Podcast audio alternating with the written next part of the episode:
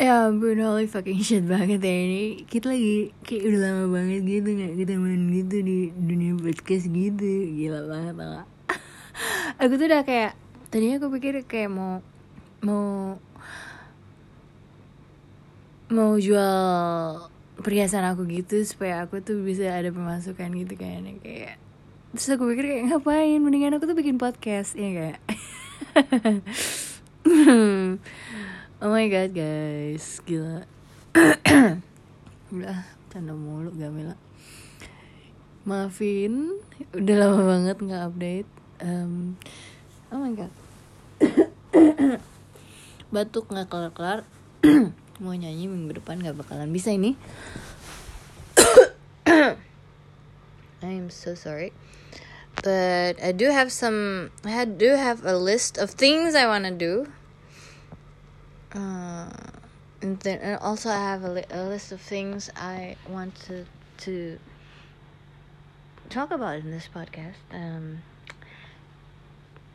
hari ini pengen ngomongin tentang keberanian, berani berterima kasih. Gue rasa gue sendiri sebagai orang mungkin agak umum ditemukan di Indonesia, if I may say so myself berterima kasih itu kayak butuh keberanian gitu kayak nggak bisa langsung ngomong terima kasih gitu. Dipuji tuh nggak bisa langsung ngomong terima kasih gitu. Ngomong terima kasih tuh berat gitu kayaknya. Nah gue tuh mau melatih diri gue sendiri untuk bisa punya keberanian untuk berterima kasih. Karena rasanya nikmat banget loh di terima kasihin orang secara tulus setelah kita effort untuk bikin pujian ke orang itu udah pernah ngerasain kayak gitu kalau belum cobain. Coba memuji orang dan lo akan nyadarin bahwa muji itu nggak gampang butuh wawasan butuh horizon. Dan untuk berterima kasih juga susah. Gue tuh termasuk salah satu yang susah berterima kasih. Ada lagi yang gue menurut gue ya gue pribadi perlu hari demi hari mempraktekkan yaitu adalah berani meminta maaf. Like gue setiap tahun ikutan lebaran dan mm, almost certainly certain setiap lebaran pasti minta maaf. Tapi gue nggak yakin gue pernah kayak meluangkan waktu dalam hari-hari gue untuk bisa secara tulis minta maaf gitu. Walaupun gue ke sini gue merasa kemampuan untuk meminta makin ke sini makin makin bisa minta maaf gitu dibanding uh, kemampuan gue berterima kasih. Masih lebih jagoan gue meminta maaf. Gue lebih pandai merangkai kata untuk minta maaf secara tulus daripada minta maaf. Eh daripada terima kasih maksudnya. Tapi ya kembali lagi sih masih kurang kalau menurut gue. Sama berani minta tolong yang sumpah itu kayaknya kalau dirunut hmm, paling bawah tuh kemampuan gue minta tolong. Ada yang pernah kayak gitu nggak? Coba deh kalau misalnya lo pernah ngerasa lo kurang berani berterima kasih kurang keberanian untuk minta maaf secara tulus ya untuk juga berani minta tolong kasih tahu ceritanya ke gue you can reach me at Twitter or Instagram juga boleh lah at Gamila Arif Gamila A R I E F. Gue connecting with people in a way gue nyambung sama orang dengan cara cara seperti ini gitu. Gue merasa hal hal-hal yang kecil kayak gini nih. Gue I mean waktu kan berubah dengan slang kalimat kata-kata orang berubah. Gue tuh ada beberapa hal yang boleh bilang kualitas nggak ya? Bukan kriteria juga soalnya tapi ini yang gue lihat dari orang gitu. Pertama kemampuan dia berterima kasih kemampuan dia minta maaf kemampuan dia minta tolong dan kemampuan dia bicara dengan nada. Nah ini asik nih. Iya. Jadi kemampuan untuk berterima kasih untuk minta maaf sama untuk minta tolong itu yang jadi kayak apa ya patokan gitulah. Walaupun gue tahu gue sendiri lemah ya dalam bidang itu. Tapi gue tuh apa ya kayak kayak apa ya kayak kagum gitu kayak nyari gitu nyari orang-orang yang bisa kayak gitu. Kayak gue tuh mudah ngefans sama orang dengan cara-cara ini gitu.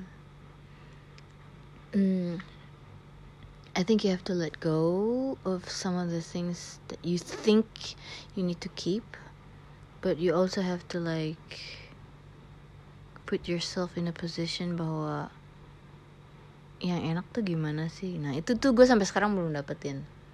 Menurut gue sih itu. I don't know I don't know. I don't know what you guys thinking about this. I mean hit me up let me know.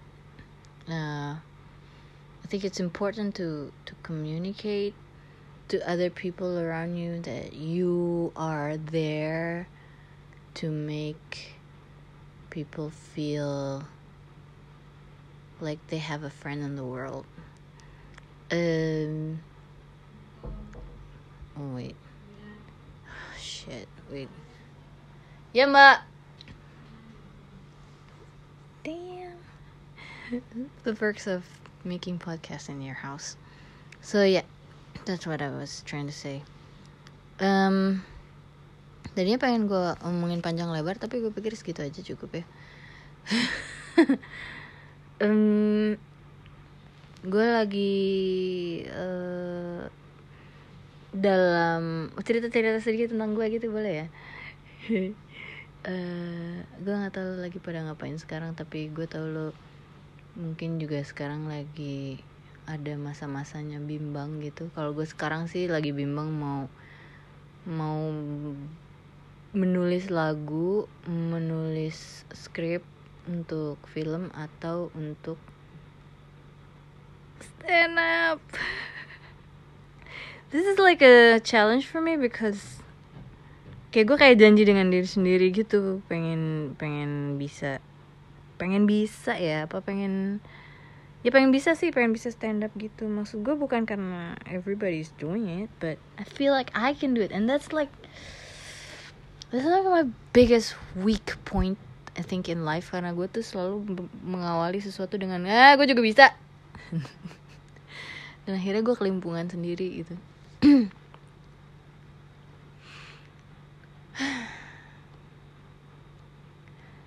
Uh, kalau lo termasuk orang kayak gue pasti lo nyadarin bahwa lo tuh termasuk orang yang perfeksionis.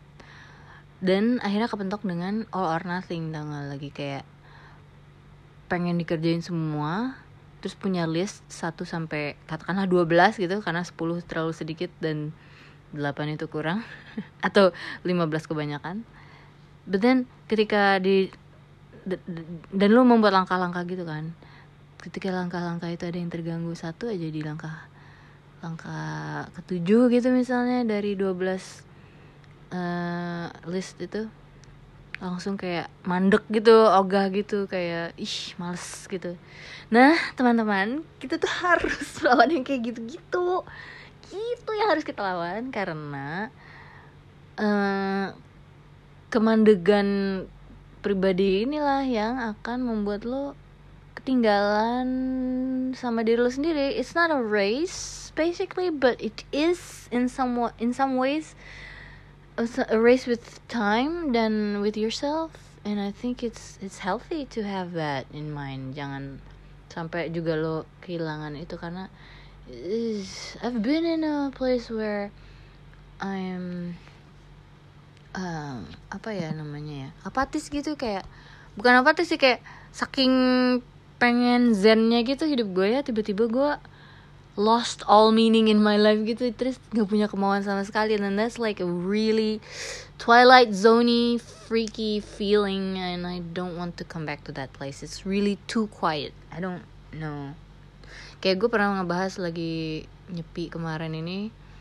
Kayak di Instagram sama Twitter gitu gue kayak ngebahas eh gue kayak menunjukin ke orang-orang bahwa gue sangat menikmati konsep nyepi. And that's true that's true that's really true because I dislike the feeling ketika udah semuanya selesai the end of the day terus di telinga tinggal bunyi nging bekas dari suara AC bekas dari suara mobil bekas dari suara bising apa gitu di luar mesin cuci kayak sekarang ini. I don't I don't like that. I I just I miss the the moment when I don't have to like merasakan polusi suara gitu. So I don't know if it's weird for you but I feel like kalau ada connoisseur parfum yang is that even the right term though? Um, ahli parfum yang yang sehari harinya nggak pernah pakai parfum supaya hidungnya nggak terdistraksi atau terkontaminasi. I feel like I wanna be like seorang musisi yang juga nggak terlalu dikit-dikit mesti nyetel lagu gitu. Atau um, ya gitu kayak gitu deh. I don't know if you understand. I feel like you know what I mean but yeah uh, pengennya suatu saat nanti ada kesempatan untuk menerapkan nyepi tidak hanya pas hari nyepi dan tidak hanya mau banget gitu gue nyepi di Bali di Hin di Hindu lagi goblok. Di Bali gitu menikmati nyepi tapi dengan tapi gue gue bukan takut ya tapi gue kayak waspada atau awas dengan konsekuensinya gitu. I mean if you have a baby I don't think you can fully uh, experience nyepi gitu. It's kind of weird. And and um, yeah uh, I want I really want to have it. Like I keep trying I keep like coming back to that concept every time there's a chance to ketika ada kesempatan untuk mengheningkan diri gitu gue selalu ambil kesempatan itu. Tapi gue nggak mau saking heningnya terus menuju suasana yang mati gitu. Karena gue tahu seberapa pun sepinya seberapa pun heningnya akan selalu akan ada denyut at least napas lo sendiri. Nah lo pernah gak sih ngalamin kalau gue ya gue sering eh, akibat konsep nyepi itu gue udah ngalam udah lama ingin mempraktekkan konsep sepi-sepi ini udah dari 2000 berapa ya bikin album yang pertama deh kayaknya 2011an gitu there are moments in my life where I just ketika saking gue pengen heningnya yang gue dengar napas gue sendiri dan gue lupa itu bunyi apaan ya gitu. Terus bunyi napas gue sendiri gitu. Pernah ngalamin kayak gitu nggak? Gue kayak bunyi apaan ya barusan? Anjir napas gue sendiri. Eri Harry heboh sendiri uh, seru sih seru seru. Gue gue dapetin thrill dari hal-hal sesederhana itu gitu. I feel like I'm lucky in a way beruntung gitu karena gue bisa men digitu aja digituin aja terhibur. Bunyi apa nih? Oh napas sendiri. Wah ketawa. Uh, kayak kita termasuk orang yang kayak gitu ya. Yang sotoy aja gue mah kita kita. I, kayak yang tipe yang hmm, nggak mm, terlalu susah dibikin seneng gitu. Nah bahayanya orang yang terlalu gampang dibikin bahagia itu adalah ya uh, ternyata standar bahagianya jauh lebih tinggi daripada orang-orang kebanyakan. Dan justru dia tuh ngerendahin gue lah gue akuin gue ngerendahin standar gue supaya nggak ada friksi nggak ada konflik. Menghindari konflik tuh gak? um, supaya eh supaya enak aja orang gitu. Ntar gue bisa lah sendiri sosok mandiri gitu. Kayak contoh sederhana aja misalnya kalau ditanyain udah misalnya udah malam nih udah tengah malam berdua sama Panji naik mobil. Nggak tengah malam lah jam-jam 10 terus udah gitu ini di dalam mobil kalau belok kanan nih ke tukang martabak nih terus dia gitu aduh kepengen nih. Eh diem diem kepengen si Panji juga kepengen kepengen nih gitu kan. Terus dia bilang mau martabak nggak? Terus gue pasti akan jawab yang mau sih tapi gitu. Karena abis itu tapi ya udah deh nggak usah daripada ngerepotin gue juga nggak mau susah gitu gitu gitu gitu kan nggak mendahulukan diri sendiri karena takut dibilang selfish gitu takut dibilang egois gitu. Emang sebenarnya kenapa sih kalau kita egois gitu? Emang kenapa sih kalau kita self care emang kenapa sih emang kenapa sih kalau love myself first love myself? There's nothing actually wrong with that. I mean if if the, I mean the I mean gini deh. Gue benci sama bukan benci ya gue nggak terlalu menyukai kalau orang bilang love yourself first tapi aku makan ludah sendiri mungkin. Kepada kenyataannya rupanya gue butuh untuk mencintai diri gue sendiri dulu.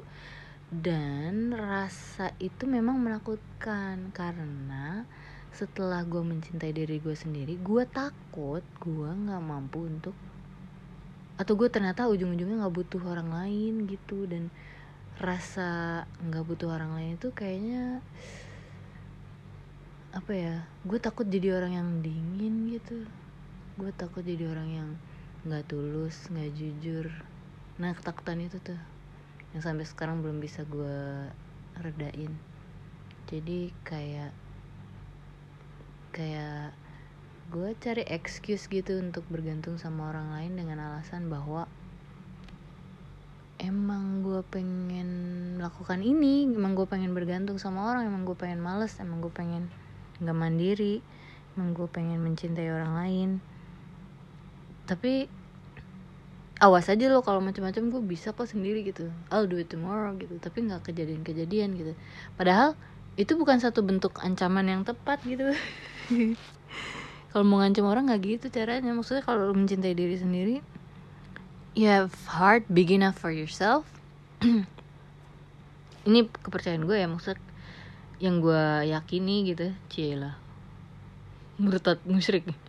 Nggak maksud gue gue pikir kayak gue positif menduga bahwa if I'm strong enough, if I'm big enough to love myself,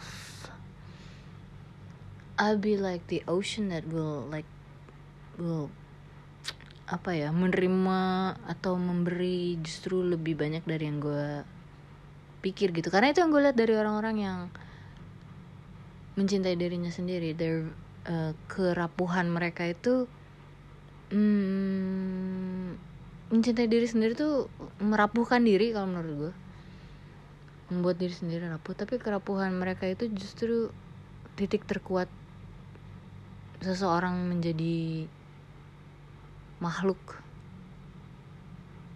Jadi eh, apa ya?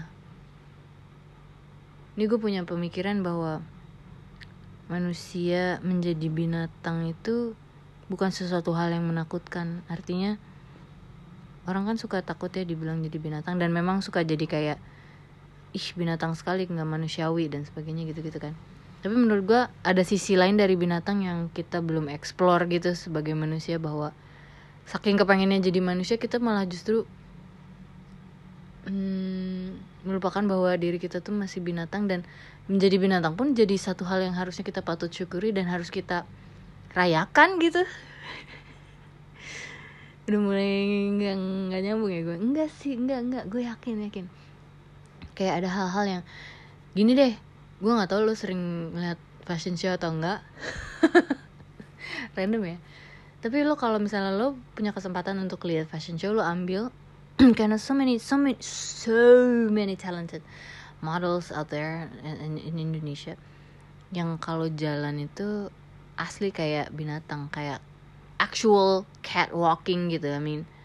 Like oh my god that's so sexy and so awesome and so hot and so celebratable I mean. I don't know if that's that's a that's even a word but I think we have to celebrate being an animal in a way that you know um, that's um, positive. I mean there's nothing wrong with embracing the fact that we are an animal gitu. Kayak lebih baik gue lihat lu binatang yang memiliki kualifikasi sekian sekian kriteria apa apa apa memenuhi syarat-syarat ini ini ini ini ini sebagai manusia daripada gue ngelihat lo. Nah ini nih yang gue paling menurut gue aduh belaga jadi manusia terus jadi robot tau kayak merobotkan diri tuh bangga banget jadi robot tuh bangga gitu. Ya allah. Kalau lo masih suka melakukan hal-hal robotik artinya playing zombie gitu I don't know if you know what I mean but you know things like ketika lo ditelepon terus eh, nggak uh, usah jauh-jauh deh delivery makanan atau pesan-pesan kendaraan gitu. Terus lawan bicara kita tuh ter terus terbentur dengan bahasa-bahasa yang sudah baku. Saking bakunya ketika dihadapkan pada masalah tuh jawabnya juga dengan ala-ala robot gitu. Kayak ya yeah, tau gini mah ngapain orang mending robot aja gitu yang kayak gitu-gitu. Kayak itu kayak udahlah udah lewat lah gitu. Udah udah ini udah udah 3000 tahun 3019 ini gitu. Kayak that those things are those things belong to the 80s I think. Ya gitu deh. Banyak ya ternyata topiknya hari ini dan wow udah 20 menit berlalu. I don't know where you're going and where you've been, but I hope you're having a great time. And be sure to um, show me what you think about this podcast. And and I can't promise you stuffs, but I really want this to be something that's continuous, yang istiqomah, yang selalu terjaga keteraturannya. because I really like things being teratur actually and ya seperti yang gue bilang tadi terganggu sedikit balance-nya off terus jadi ngambek gitu. Dan gue mau mencoba untuk tidak seperti itu karena mantra gue adalah give yourself a chance. And I hope you resonate with that too because sometimes we want things things to be perfect so much we forgot to give ourselves a chance and we keep punishing ourselves. And right now i feel like i am punishing myself for not doing things regularly like not doing this podcast regularly. So i hope you give me a chance too and well let's just see where this is going. Sega Milarif signing off. See you later